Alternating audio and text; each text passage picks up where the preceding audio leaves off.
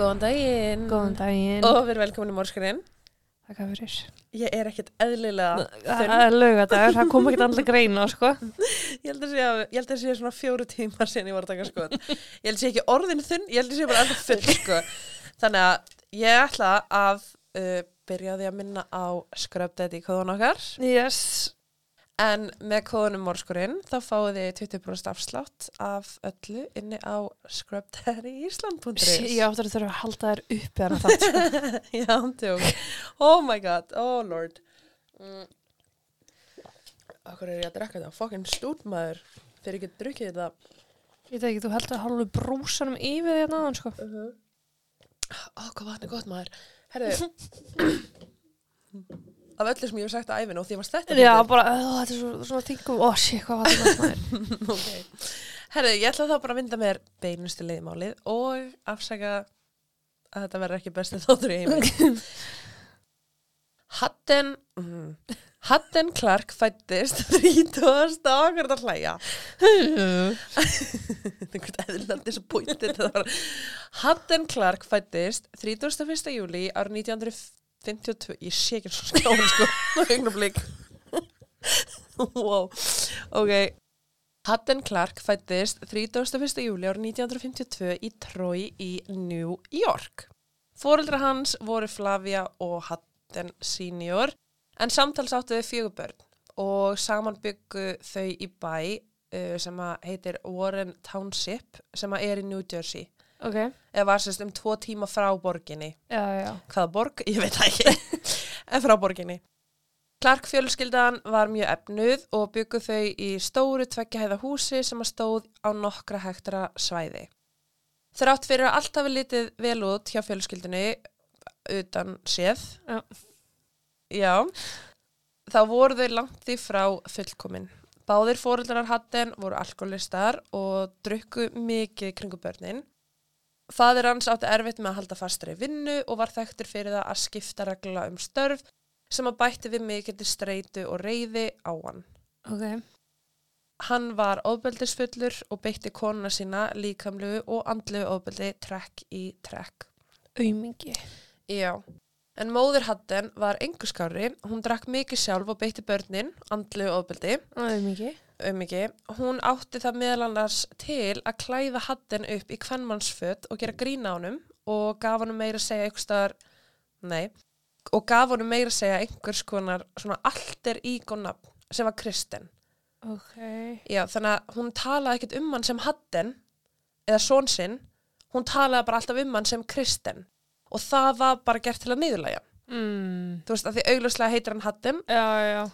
Frá ungum aldri voru fóreldrar hatten sannfærðir um að það væri einhvers konar heilabilun eða eitthvað sem hafi gerst við fæðingu, vanandi hatten Ok.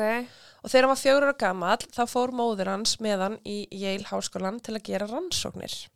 En í þeirri rannsókn var hann greindur af læknum með heila lömun, sem Ok. okay. bara vægustigi og hugsanlegan heila skada. Ok. Þannig að, veist, það var eitthvað í gangi en hann var samt ekki, veist, hann var ekki ófær um að sjá um sjálfan sig og alls konar svoleiðis. Ok, ok. En hann var kannski bara svolítið eftir á. Já. En fadir hans var alls ekki tilbúin til að samþykja þetta, vildi bara ekkit eiga barn sem var með e, föllun í rauninni og notaði þetta í gegnunum með því að öskra hann, kveljan og árita og var hattin ekki einungis að kveljast heima fyrir. Heldur var hann eitthvað lagður í mikið einelti í skóla sögum þess að hann var ekki eins og allir hérna krakkatir. Mm. Hvað var ég að bryðja í kæftunum á mér? ok. Ég ætla, ég kýsa þegja núna. Og það kom eitthvað gæskrið að ég var að bryðja eitthvað en ég er ekki búin að bóra neitt. Hann hafði ekki byrjað á leikskóla á sama tíma aðri krakkar og það gerði hann náttúrulega bara auðvelt skotmark en það var hann að koma seint inn í skólakerfið, Já. engin þekktan og eineltið og vannrækslan uh, sem hann varð fyrir gerði það bara verkum að hann var bara mjög reitt barn, Ok. skiljanlega. Já. Þegar hann byrjaði í grunnskóla og var komin í framhaldsskóla þá byrjaði hann að hefna sín á krökkunum með því að til dæmis stela gæludýrnum þeirra, aðhausa þau eða skera þau upp og skilja hrægið eftir fyrir utan heimilegra. Ok. Hann var mjög skapstór og átti ekki marga vini, auðlúslega, hann fílaði ekki þegar fólk var að gera grína á honum og í hver skipti sem hann var gerður að atlægi þá varð hann bara mjög reyður og gat bara ekki stjórna sjálfum sér. Mm. Hann átti ekki marga vini í skólanum og var bara mjög mikil innfari. Mm. Á eldri árum var hann einnig byrjaður að klæða sig upp í kvennmannsföt og oft tók móður hans og sýstir eftir því að nærfötið þeirra vantaði sem og annar fatnaður en það var líklegast vegna þess að hún alltaf átti það til að klæða hann upp á yngri árum Mm og nú var þetta bara orðin eitthvað svona þá hann bara byrjar að gera þetta líka, hann þekkti ekkert annað. -hmm. Þetta var samt orðið það mikið að í eitt skipti tilkynnti móður hans það til lauruglu að því hún held að einhver hefði komið inn á heimilið og væri sérst bara að stela fötunum hennar. En átti þessi fljótlega á því að þetta var, það var ekki að brjóta stinn, þetta var bara hattinn Já. og hann var sérst líka að brjótast inn á önnur heimili. En hann hafði, sérst að það var eitthvað nákvæmni sem hafði ráðið hann til garfinu. Hvað er hann gamall hana? Þarna, hann er Já. í kringum bara 17 ára Ok, gammal. ok, ok, ok. Ég var að sjá fyrir mig 12 ára polla. Já, veist, þetta er náttúrulega gekk á alveg eitthvað tíma, sko. Já, já. Ok.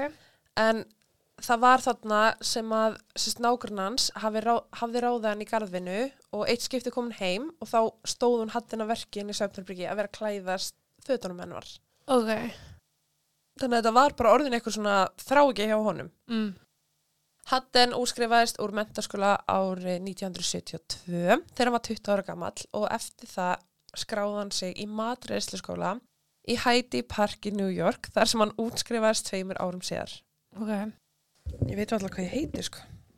Árið 1982 gekk hann svo til liðs við sjóherrin og var kokkur þar en eftir þrjú ár þá lauk hann því starfi þar sem hann hafði syngt af sér mjög undarlega hegðun en hann var sérst bara eiginlega eignir annara og út frá þessari hegðun þá var hann metin að geðlagni sem að greinda hann með geðklofa og þremur mánuðum eftir greininguna þá flutt hann sagt bara inn til bróður síns Jeff. Já, ok, þannig að hann var meira en tæpur, hann var, veist, hann var Það var eitthvað í gangi. veikur, já. já, já, þú veist, hann var með þessa já, já. uh, væga mm. og já en Jeff var einstæðu faðir sem að deildi forræði tveggja barna sinna með basmóðu sinni og hann átti líka kærustu að nafni Stephanie. Hann leiði hattin að flytja í kjallara húsins sem að staðsett var í Mariland og átti þetta bara að vera tímabundir laust þar til að hattin myndi finna sér stað til að búa á.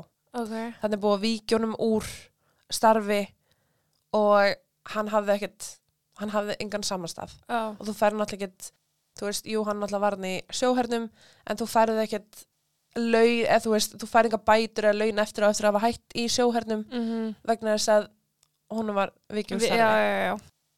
Nokkra vikur breyttust þó fljótt í mánuði og í september árið 1985 var Hatten handtekinn fyrir búðarþjófnað. Uh, Viltu gíska hverja var að stila? Hvermansveitum. Já, hvern manns nærfötum. Og Jeff þurfti að koma bróður sinum enn á ný til bjargar. Í mæ árið 1986 var Jeff búinn að gefast upp. Hatten hafði búið hjá honum í cirka ár og hann sagði honum að nú þyrfti hann sko að flytja út. Nú, Mhm. er, bara, þetta bara búið sko. Já. Hatten auðvitað ekki sáttur, hann reyfstu bróður sinn og reyndi meira að ráðast á hann en Jeff setti niður fótinn og að lokum endaði Hatten á því að leigja sér hótelherbergi. Hann snýri aftur 31. mæ árið 1986 til að ná í restin af dótinu sinu svo hann gæti formlega flutt út úr húsi bróður sinns og hafði Jeff ákveðið hann vildi sérst ekki vera heima þegar bróður sinn kæma að sækja dótið. Já. Þannig að Jeff, kæristan hans og börnin settist upp í bíl og fóru bara út í ykkur garð Mm. á meðan. Þegar þau snýru tilbaka var hattin að henda síðustu hlutunum í skottið á bílunu sinum og fór án þess að segja orð við bróður sinn. Hann bara svona svolítið uh, bara dreif sig. Já. Jeff fannst það frekar skrítið en var í raun bara fegin að vera laus við hann. Og eftir þetta það ákveðsist Jeff og fjölskyldan að hafa grillveslum kvöldi. Nú voru þau loksinn svona að fá að vera ein Mm án hans og hans vandra og þau uh, voru sérst bara í rauninu út í garði að grilla þegar að nágranni hans Karl kemur að heimilinu um 17.30 og spyr hvort þau hafa séð dóttur hans 6 ára Michelle. Æ, Herru, það var verið að taka mig hérna fyrir, fyrir svona mál, sko. Ég er ekki búin að segja neitt. Nei, ok. Mm. Taka mig fyrir. Fólk, fólk var neykslaðan á mér síðustu ég var ekkert eðlilega nexlað þér sko. Sex ára Michelle Dór, hún hafði sérst ganga inn í bakarinn heima á sér af þau sinum Karl uh, fyrir um daginn en planið hennar var sagt að fara að synda í uppblásnu sundlauginni sem var í garðinum þeirra Ok. og Karl, haf, Karl hafði þess að setja við stofuborðið heima á sér að lesa blaðið og það var á einhverju tímapunkti sem hann ákvaða að fara að kíkja með sjálf og hún var ekki í garðinum Nei. og þannig er hann að fara og tjekka á nákvæmum sinum. Jeff og Stephanie leta hann vita að þau hefðu ekki séð Michelle þennan dag en ákvaðu að aðstóðan við leitin að henni á samt nokkrum öðrum fjölskyldum úr hverfinu áður en að kallað var til lauruglu. Þegar laurugla mætti á vettvang þá sagði Karl þeim frá því að hann hafi reglulega verið að fylgjast með Michelle í bakarnum en að það hafi ekki verið fyrir hann stóði frá borðinu og gekk að glukka húsins sem hann átti að segja á því að Michelle var ekkert í garðinum og var vatnið í lauginu bara ósnert. Það hafði Ok. enginn verið að leika sér í bakarnum. Já. Þá hafði hann gengið bak við hús og séð börnina Steff vera leika sér í fótbolta fyrir framann húsera og þar sem að börn Jeff voru að svipum aldrei á Michelle að þá gerði hann bara ósrætt ráð fyrir því að hún væri með þeim að leika sér. Mm. Það var svo klukkutíma síðar eða einmitt 17.30 þegar hann ákveði að fara heim til Jeff að leita Michelle og fekk bara svolítið áfall þegar hann komst af því að hún var ekkit hana heima hjá þeim. Hann stökk upp í bíli sinn, byrjaði að keira um hverfið og að lokum hafði samband við lauruglu um 18.30 til að tilkynna Michelle týnda. Lauruglan kom á vettvang og talaði augljóslega við Jeff því að hann var nágrunneira og upphaflega hafði Karl, Karl talið að Michelle væri hjá honum. Þegar Jeff talaði við yfirvöld þá nefndi hann að bróður sinn hefði verið á svæðinu fyrir um daginn svo þeir ákveða að fara og tala við hann en hann sagðist ekkert hafa séð Michelle og vissi ekkert hvernig hún liti út og sagði lauruglu bara að hei, ég fór hann náði eigum mínar, dreif þeim á stað Já. og fór. Mm, nei, hann dreif þeim ekki, hann dreif sjálf á sig Já, já, og svo ég fór skil- hann. Já. En Það er þannig, ég skil þig, þú allar aðri skilið ekki, við gleymum því stundum. já, hún tjóks en um, já, hann sagði bara lauruglu, ég var bara að drífa mig á stað ég var að fara að vinna Já. lauruglan hafði hérna enga ástæði til að gruna djef nýja hatten, var þetta hverfa á Michelle og öll augu beindust bara að Karl Já. get ekki sagt að Karl, Karl. Þöður Michelle en það var út af því að hann var með frekar undarlega hegðun um, hann hafði ekki vita hvað dótt sinn væri eitthvað tíma og hafði bara ekkert spáð í það Mm. En hann endaði að fara í legapróf og lauruglan gerði þetta hú, húsleit heima hjá honum, augljóslega, þú veist hún er að hverfa frá heimilinu sinu. Já. En á þeim tíma sem að Michelle hvarf var Karl að ganga í gegnum ljótan skilnað og hann hafði á einhverju tímabúndi gefið fram einhver svona, einhvers konar ógnandi yfirlýsingar uh, við fyrirhandi eiginkonu sína varandi Michelle. Já. Það er ekkert tekið fram hvað hann sagði en þú veist, hann hefur sagt eitthvað sem að gera hann grunnsamlegan Já. basically. En hann var líka svo síðasti til að sjá Michelle og þessi tveir hlutir saman er örgulega það sem að leta náttúrulega bara verða skotmarkja lörglunni. Já. Kjánum lörglunni. Ég er svo fucking neðmælt. Lígaprófið skilaði þeirri niðurstöðu að Karl vissi ekki hvar Michelle var niðurkominn en einni að hann vissi meira heldur en hann var að segja lörglu og, maldi, mm, og margir töldu að það hafi eitthvað að gera með tímaramman. Já. Lögreglan var því handvissum að Karl hafi skadað dóttur sína, mögulega til þess að hefna sín á fyrri eiginkonu sinni.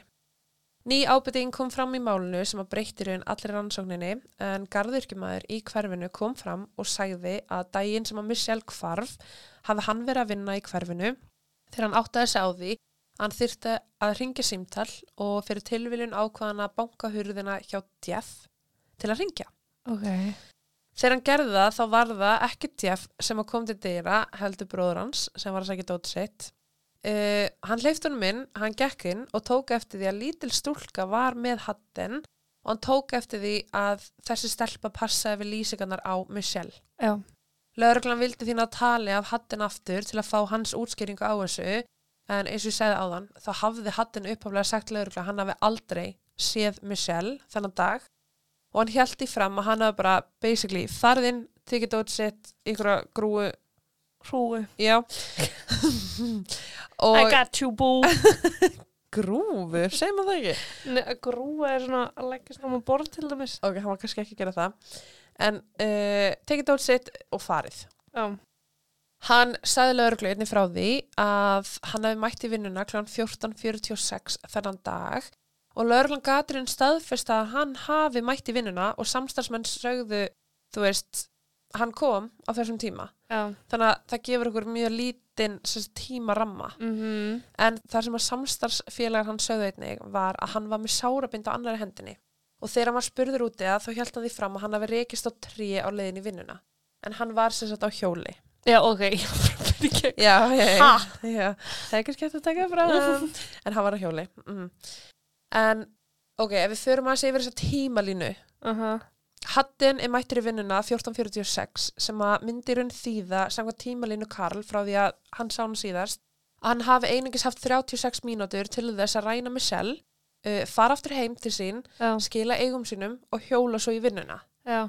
En náttúrulega þessar 36 mínútur eru byggðar á upphaflegu tímalínu Karl sem að hjælti fram að hann hef síðast séð Michelle klán 1422. Uh -huh. Þannig að þú veist, á milli svona 1410, 1446 er þessi tímarami sem að Hattin myndi hafa til að ræninni og gera sem að hvað sem hann þá gerði Uh -huh. og þetta er bara mjög tæft Já. að gera allt þetta. Lögreglan var bara ekkert viss hvernig er hægt að púsla þessu saman. Uh, Vittni segist að var séð mig sjálf með Hattin en tíminn var bara það knæpur Knappur. Já. Að það var í raun ómögulegt fyrir hann að hafa ræntinni verið með hann inn í húsinu veist, og gert allar þessar hluti. Og 36 hvar, já, og hvar væri hún þá niðurkomin? Þú veist, þú ert ekki eitthvað eina mynda að fara í vinnuna sko. þú ert að hjóla heim, þú ert að hjóla í vinnuna. Já, já, og það tekur bara sinn tíma. Já. aftur var þá tala við Karl og hann var byrjar að efa það hvenar nákvæmlega hann sá dóttusina síðast. En sagði það gæti verið ykkur tíman á milli 12.15 og 2 og er þar leiðin að viðkynna að það er lengra liðið heldur en hann hafði upphaflega sagt Já, og það er svolítið mikil tími. þetta eru tveir tímar sem Já. bætast við og ástæðan fyrir því að hann segir ástæðan fyrir því að hann hafi logið til um tímalínna var svo að hann uh, var handvissum að þetta liti mjög illa út fyrir hann vegna þess að hvað ætti sex ára dóttir hans að vera að hanga ein í þetta langan tíma á þess að hann myndi skipta sér af því Já. en Karl, oh my god, segðu fokkin sannleikan Já, sko og þetta er alveg að taka eitthvað tíma skilju, þetta er ekkert eitthvað að gerast á einu degi þetta er ennþá verið bara non og lón og dón Mm -hmm. að leita henni, vá smart Nú er þetta alveg dón. En þú veist, þannig eru þeir bara að leita á fulla af henni, það er enginn búin að finna hana að merkja um hana og þeir eru bara svona svolítið að reyna að fá, þú veist, allar upplýsingar sem þeir geta. Já. En núna hafði lauruglan fengið nýjan tímarama sem að augljóslega opnaði mögulegan á því að hatten gæti alveg hafa ræntinni vegna þess að nú bætast við tveir tímar. En lauruglan var samt meira hallast að því að Karl sjálfur hafi skadað dóttur sinna Mm út af þessum skilnaði. Sko, það er talað um að lauruglan hafi gefið uh, Karl eitthvað sem heitir natriumametól sem á að vera eitthvað svona sannleikslif. Já, ok, what? Já, og ég var eitthvað að googla þetta, ég fann ekki um þetta, þannig að ég ætla ekki að vera eitthvað að varpa þessu fram hérna, Nei. en ég vildi samt segja það, uh, en þeir voru, sérst, að, voru að gefa honum þetta í vonum að eitthvað myndi breytast í sögun hans. Ætli Þetta sé bara ekki eitthvað kælulisli Ég örglega, sko, þetta er eitthvað þannig. Já. og um, þeir gáðu honum þetta og sagan hans í raun bara breyttist aldrei. Karl var sjálfur sér samkamur með allt sem hann hafði áður sagt lögreglu. Eina sem að breyttist var tímalínan sjálf, hvernig Já. hann sá Michelle. En samkvæmt Karl þá taldi hann að lögreglan hafi verið að heila þó hann, spila einhverja hugarleiki við hann í vonum að fá hann til þess að játa. Og hann hafði líka sagt sérst frá því að við yfirheyslu hafi lögreglan sagt og, og vera svona svolítið að pressa á hann og þeir að vera bara eitthvað við vitum alveg að þú ætlaðir ekkert að drepa hana. Þú Já, bara kæfðir hana með því að setja já. hendurnar yfir andlitið hennar og panikaðir segð okkur bara hvar hún er. En þrátt fyrir að þeir væri að þrýsta verulega á hann að játa á sem morð á dótsunni þá bara haggaðist hann ekki með þessa sögu uh, um að hann hefði aldrei komið nálat hvar við dótsunar þannig að lögreglan var bara eitthvað svona ok, þú veist við þurfum alveg að halda öðrum möguleikum opnum. Já. Þannig að þeir fara sér satt og ræða aftur við hatten eftir að það var breyting gerð á tímalínunni bætt, eh, þessum tveimur tímum var bætt við. Það var bara ekkert í þessu. Nei, það er fyll á þetta. Í- Í... Bæta á þetta. Erstu með vatn á þér? Þú talar svo mikið með höndunum, ég hægt nú að slá þessu niður, sko. Í þetta skipti var allt önnu framkoma í garðlauruglu frá hatten. Hann var mjög æstur, pyrraður og þegar þeir byrja að spyrja hann einhverja spurninga þá byrja hann bara að öskra á þá og hann byrja að kasta upp, hann byrja að gráta. Og hann hjælti fram bara á ykkur tímabili að hann sæi ekki neitt. Eins og væri bara í ykkur manju og lögreglan vissi bara ekkert hvernig það er þetta bregðast við þessu. Þú veist, þeir voru bara þarna til að reyna að fá ykkur upplýsingar upp úr honum. Og þeir voru auðvitað ekki að fara að fá neinar upplýsingar. Um, Haddin hann baði um að fá að tala við sálfræng og lögfræng og eftir það þá tók lögreglan ekki aftur viðtal eða tók Haddin yfir, yfirheyslu það getur samt alveg eðlilegt að guppa þegar maður reyður, sko. já, já, algjörlega sko Ég guppa þegar ég er mjög reyð. í alvöru, Já. það er ógislega skrítið ertu bara eitthvað, "Uah, nei, Nei, líka bara, þú veist, ef eitthvað deyri í kringum mig, þá græti ég ekki, ég guppa. já, já, já, já. Og líka ef ég verð bílaðislega reyð, sko, þá bara, þá æli ég. það er ógislega myndið að vera eitthvað Það hefur ekki, ekki gæst í mörg ár, sko, að ég hef ekki orðið þetta reyð, en þegar ég var sem snarbilaust, sem, þú veist, bara það bókstálega ég úr reyðu, sko. það var eitthvað drullið sindra sem gási ég þarf að fara að æla í kem áttur Ángríns, það hefur örgulega komið eitthvað svo listilvæg upp á þessi 13 ár, sko. oh my god. Sálfræði meðferð krakkar, farið svo leys ef þið já, kannski mælu með. En uh, já, hann var sem sagt að kasta upp. En hann uh, þegar lögreglan var það hjá, hann, hjá þeim að þá uh, var hann bara eitthvað, ég, ætla, ég vil fá að tala við sálfræðing og ég vil fá að tala við lögfræðing. Uh -huh. þar leindi er hann búin að lawyer up. Uh -huh. þú getur ekki þvinga fólk til þess að tala við þig. Þannig að lögreglan tala ekkert við hann aftur. Og mál Michelle kólnaði. Hættu. Verulega, það var hægt að gera. Ok. Og þetta er svo skrítið, þú veist.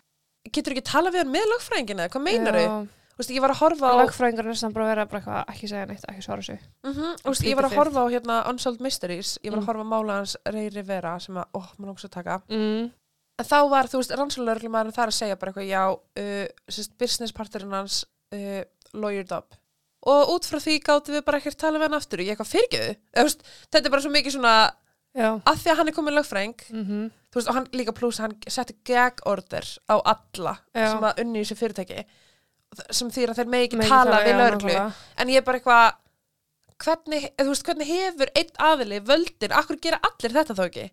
Lang flesti gerir það en þannig eru ekki með sönnunagögn Ef þú ert með, ert með sönnunagögn þá bara farðu með, þú farðu með málið í ferli, Mhm. skilur við það sem er bara, jú, ok, við ætlum að ákjæra hann hérna er dómari sem bara er búin að samþykja Já, ákjæra en þa þarna einmitt voru þeir bara eitthvað þú veist, mér langar bara okkur langar bara að tala við þig okkur langar að vita þú veist, var eitthvað óvinnilegt að gerast í lífinu fyrir áður, áður en andlatið bara garðið skilur mm -hmm.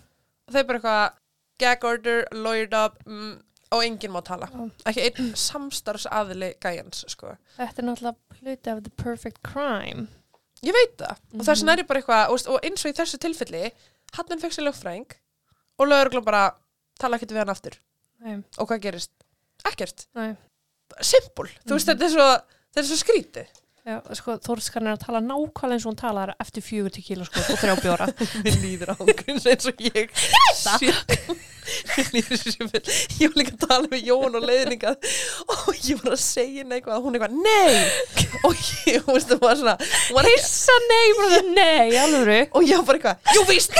Svo var ég bara, nei, þú varst ekki að mótmála mér en ég veit ekki alveg okkur ég fór svona vörn Alma Jú, víst. svo var líka bara eitthvað, okkur var ég að segja, jú víst, ég veit alveg, oh my god mm. Oh my god. hjálpi mér Þú veist, mér líður alveg svona smá eins og ég Þú er samt ekki full, annars það er aldrei ekki á. nei, reyndar Þú veist, mér líður bara eins og ég sé svona þetta er svona lognu undir storminum og ég aftur að vera ógæðslega fokking þunna eftir eftir. minn Ég á að heyri þér fyrir miðvíkudaginn. ég er ekki að fara að tala við neitt fyrir ná miðgdæðin þá mæti ég aftur í vinna nei, mándaginn, reyndar en, ok, áfram, áfram gakk sko, þarna voru við ár 1986 þegar Michelle er að hverfa Já, vá, ég veit ekki okkur ég sá þetta fyrir mig 2007 eða eitthvað. Mm -mm -mm. en lögreglan fekk síðar meir uh, nýjar upplýsingar en það var sérst 21. óttubir ár 92 sem er alveg slatta tíma eftir að Michelle hvarf Já. sem að lögreglan fekk uh, símtal frá engaspæra í Bethesda í Marland en uh, þessi engaspæri var að rannsaka mál tindrar 23 ára konu sem að hafði ekki mætt til vinnu tveimu dögum áður eða sérst 19. oktober sama árið. Ok. Sú kona hétt Laura en á þeim tíma sem hún hvarf þá bjó hún með móður sinni Penny. Þegar hún skilaði sér ekki til vinnu þá hafði bróðurinnar farið heim að leita að henni en fann hana hvergi og hitti þá garðirkjumann sem að var bara mjög skrítin og undalur en það kemur svo sem ekki á óvart þegar ég segi ykkur frá því hver garðirkjumadurinn er Mm, Nei, en hann á það er Hatten Clark. akkurat.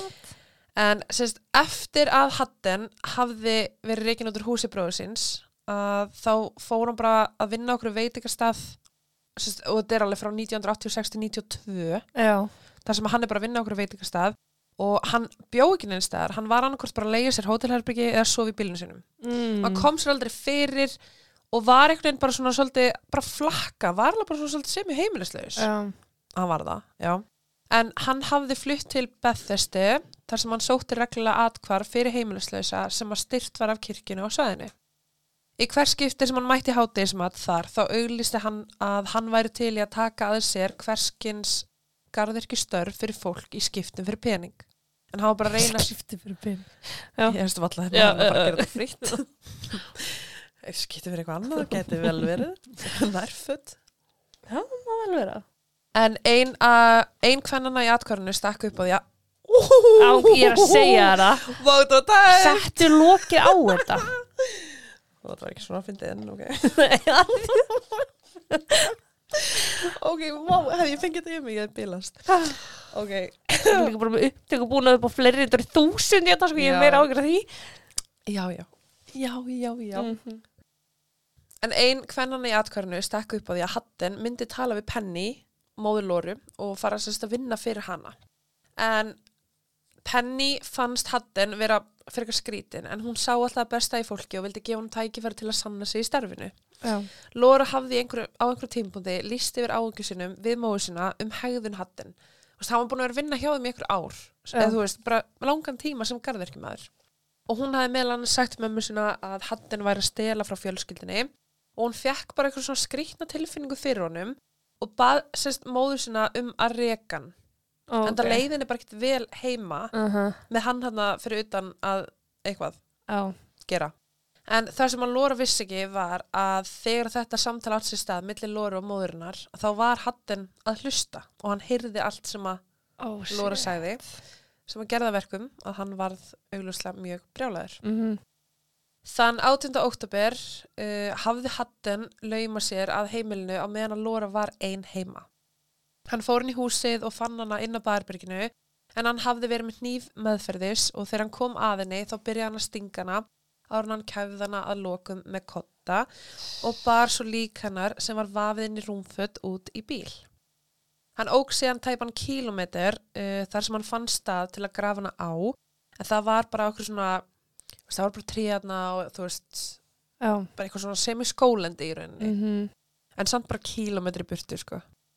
hann vildi samt sem áður láta það líta út eins og Lóra væri enn á lífi sérst, af því að hann átti að vera að vinna þennan dag þannig að hann hafði sérst, gert áallin og það var alltaf bara planað Já. og það var að uh, hann var í raun að vinna á þessum tíma sem hún var myrt Já. og hann ákvað sérst, uh, eftir vinnu að fara í dulgerfi þannig að hann sett á sig hárkollu og klætti sig í fötunan á lóru og gekk út af framanverðu húsins til að láta sagt, í vonum að nákvæmlega myndi sjá Já, já, lóru já, já, en já. að geðslappa á þessum tíma af því þarna þegar hann er að gera þetta þá hann að reyna að vera búin að vinna Já. sem að gera, gera það verkum hann að út úr tímaramunum. já, í rauninni, þá er hann bara búin að vinna hann er mögulega komin í atkvarfið eða komin Mhm. eitthvert skiluru og veist, og þarna er hann bara að ganga fyrir utan húsið í eitthvað tíma og er bara að vera handviss um að einhver sjáu sig Já.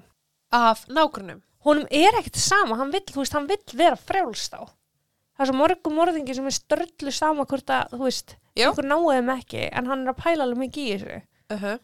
ángríns en þarna var lauruglan í raun að fá bara vittnesku um hatten Já. á ný og þeir Mhm. bara, ok, frábært við erum búin að reyna okkur langur svo að tala við hann út af Michelle Já. og nú ert að segja okkur að önnur stelpa er búin að hverfa en sem sagt, lauruglan hafði uh, fundið líkamlega sönnugögn inni á heimilinu Uh. sem að tengdu hann við Lóru það var meðal annars blóður kotti og kottaver sem hann var nota til að kæfa Lóru en þeir hlutir fundust bara um 100 metra frá heimilinu og þegar þeir skoðu eftir, eftir af hverju er eins og ég sé að fá heilblóðfall Tequila. Þetta er tequila, ég var að draka tequila í vatn Ég veit ekki hverju Ég ætla aldrei að hlusta þig, tussast yfir því að ég fá með vodka í Ég átti vatn. ekki sóta vatn Þetta var heima hjá mér Mm.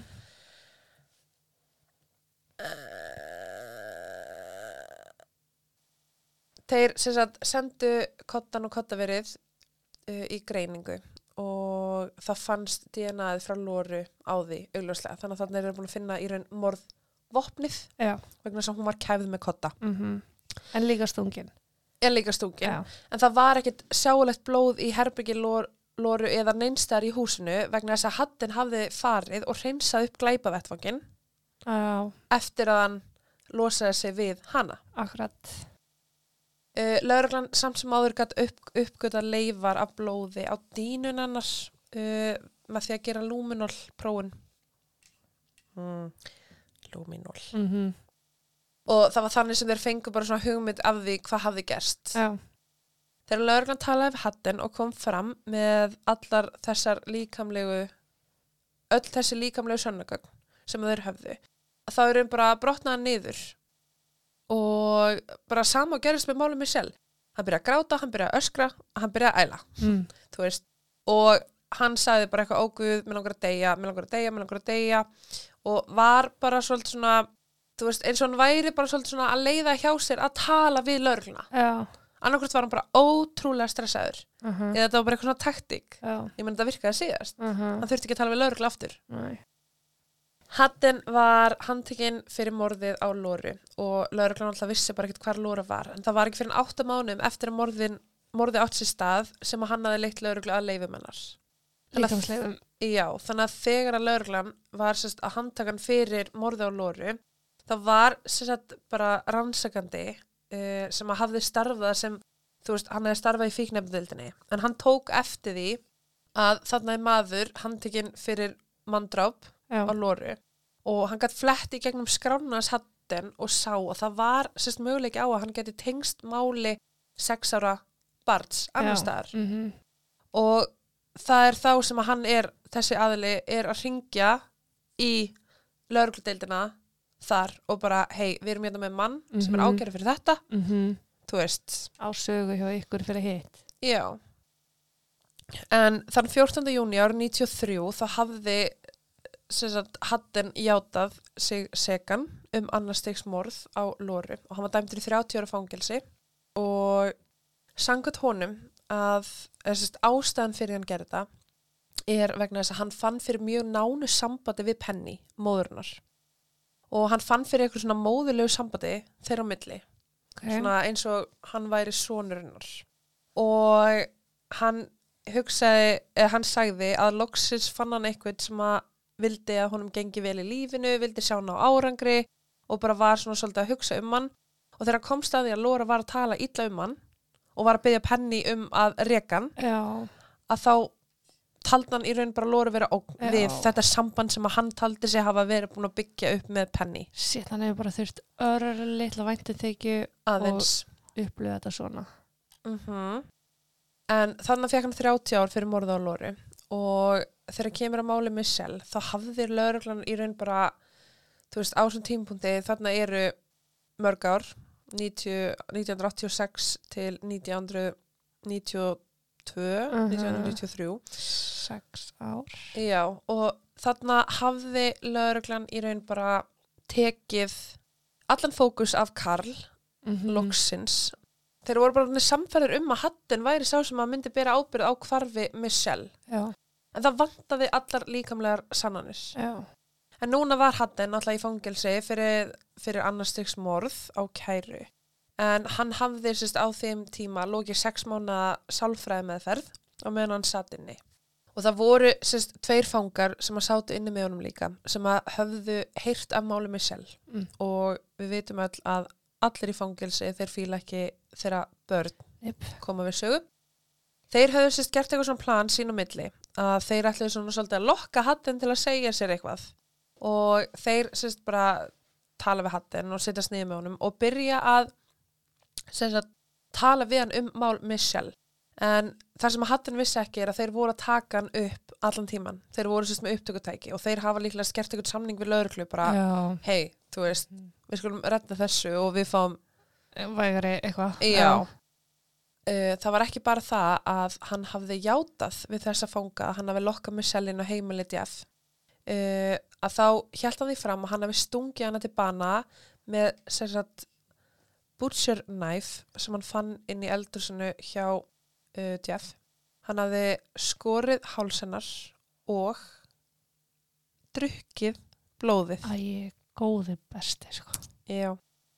Hann sagði einnig frá því líka að hann hafði reynt að misnóta hana og það hafi sérst bara misernast og eftir hann drafana að þá tók hann lík Michelle, setti það í grænar ruslapoka, ára hann tók ruslapokan og setti það sérst með töskunum sínum í, í bílinn sinn.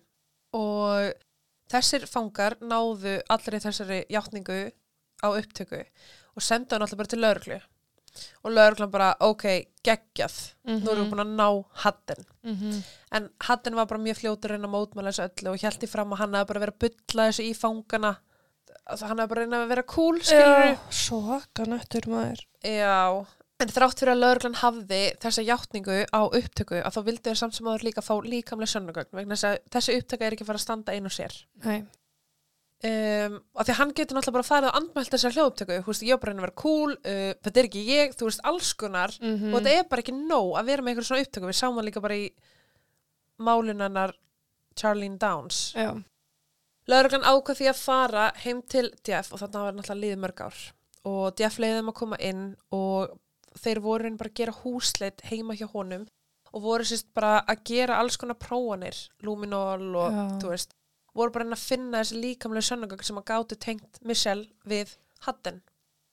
Þeir að leituðu bara út um allt inn á heimilinu og þeir fundu sérst eitthvað svona, voru að skoða bókstala bara hvert einasta hvern einasta krák og kreima kima Kíma. oh. og þeir sem sagt á okkur tímbili þá sem sagt á uh, gólfinu inn í eldsi að þeir rifi upp þú veist svona dúkin eða eitthvað. Mm. og þeir fundu ummerki af blóði undir sérst eitthvað svona gólfplötu eða dúk eða Já, hvað sem var hana og uh, þeir komast að því að þetta var sérst, um mannablóð væri að ræða og þetta hefði verið til staðar í langan tíma. Þannig að á þess tímpundu voru bara eitthvað ok, geggjað, nú erum mögulega koma með eitthvað. Ef þetta er blóðuna Michelle Mm þá getum við nælt hatten þeir tóku sérst yfir 80 blóðu sinni en þeir gátu í raun ekki fengið neina samsvörun. Og það var vegna þess að blóði var búið að vera annars svo lengi. Já.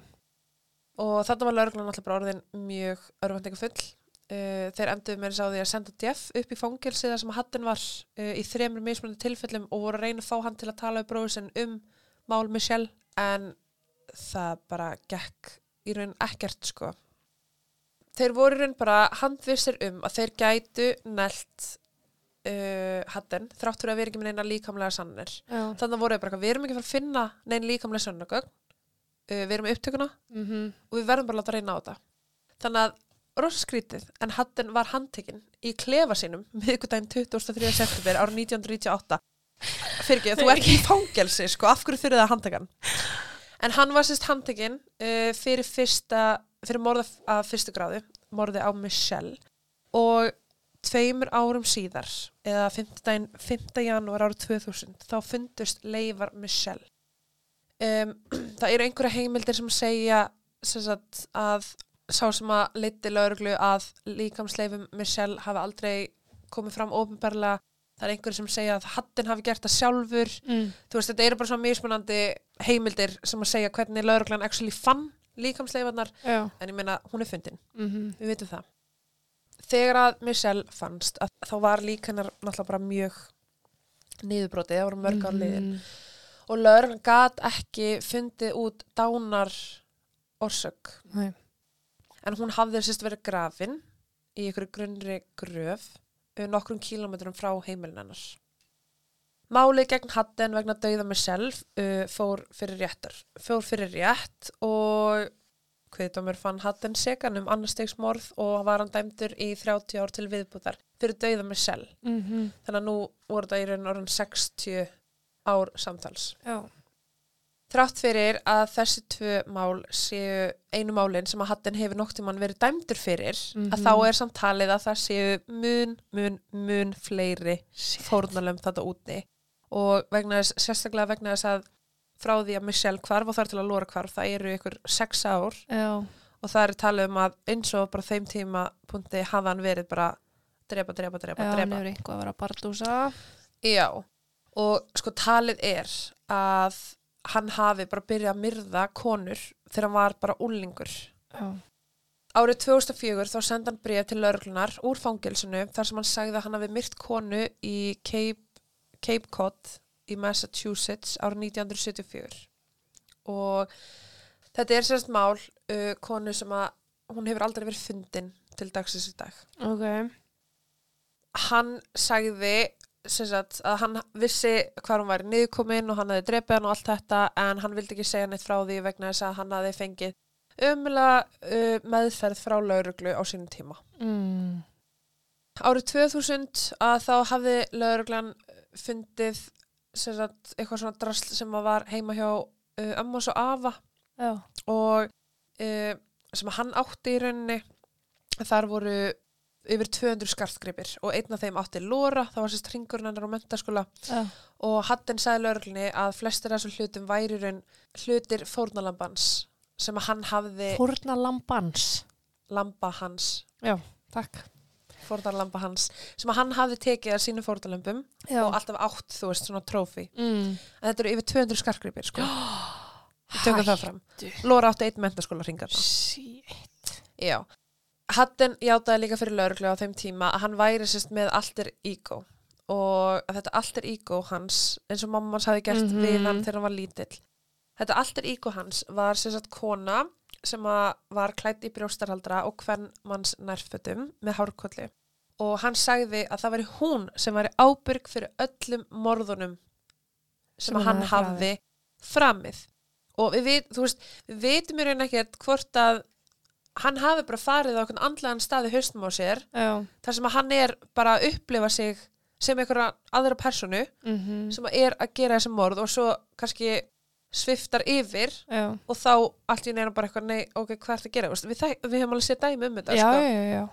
En hann vil sérst meina að hann hafi aldrei drepið neitt Mm. heldur var það alltaf ígóðans Mm. sem að hafi drepið eitthvað og, og maður séð í myndum, þetta er alveg svona creepy Mm þegar það eru, þú veist, ég mani hvað myndin heitir um, þetta er sagt mynd með oh, þar sem, ok, þetta er alveg ég skal setja það á Instagram, en þetta er ógeðslega góð mynd þar sem að hann bara er með marga persónuleika Já. en hann bara svona, hann er raðmóringi eða eitthvað og hann sviftar yfir í, þú veist, allt í henni er hann bara hey Johnny, og það er bara Já. ógeðslega creepy og svo er hann bara eitthvað, býttu var ég að tala við þig Já, Þú veist- shit. já, Það er líka, það er svona á TikTok.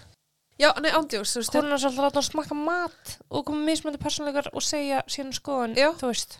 þú veist, þetta ennabla, þetta er mjög skrítið en þú veist, við vitum í raun ekkert hvort að í raun og veru þetta hafi verið í gangi en Mhm. Hatton vill sérst meina að þetta hafi aldrei verið hann og við munum í raun aldrei vita hversu mörg fórnalum Hatton hafði í raun og veru hann var náttúrulega bara dæmdi fyrir tvö en það eru, þú veist, margir sem telja og lauruglan líka, það, þau séu mun, mun, mun fleiri Mm og það er ekkert búið að tengja þessi skarkgripi við þú veist, annað fólk til þess að geta dæmt hann Nei.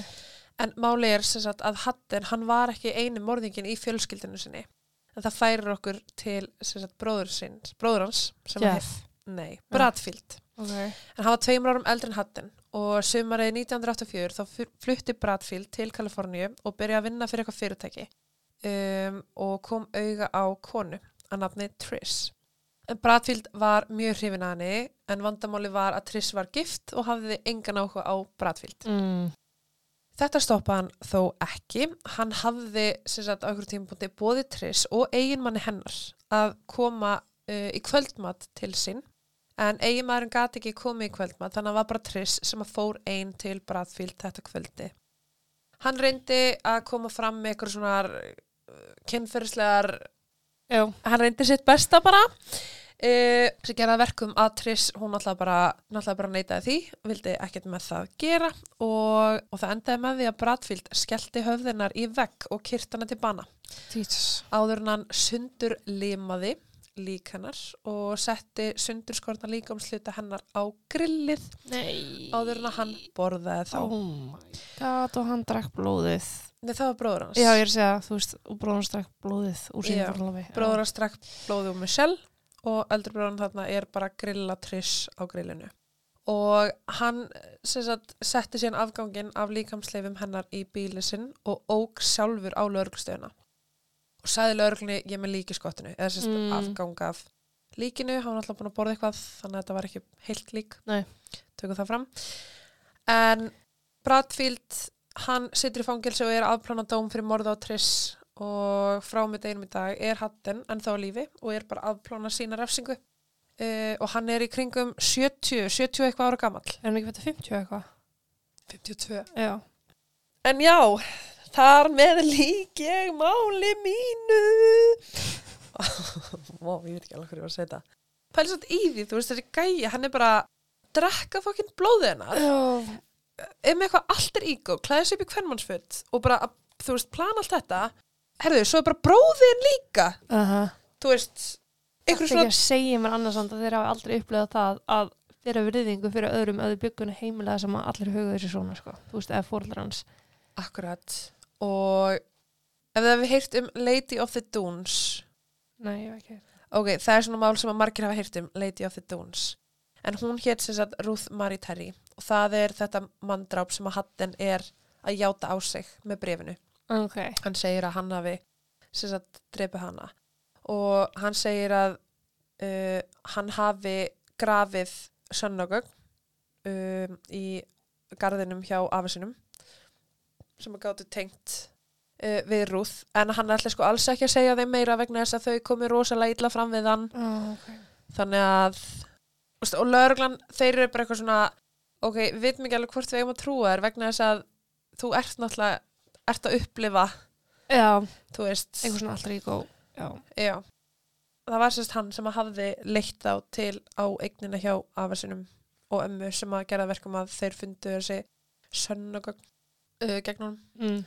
og Hatten er í raun kallaður The Cross-Dressing Cannibal eða The Rockville Rocket Mm. en The Cross-Dressing Cannibal vegna þess að við veitum alveg af hverju hann er The Cannibal Já, þú veist, fólk klæði bara klæði sig í það sem vil klæði sig í, sko. Já, algjörlega sko Og þess að það verði titlað eitthvað. Já, en uh, ég hef ekkert meira við þetta mál.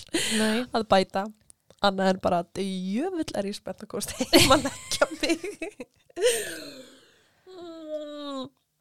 En ég ætla þá bara að segja takk í dag.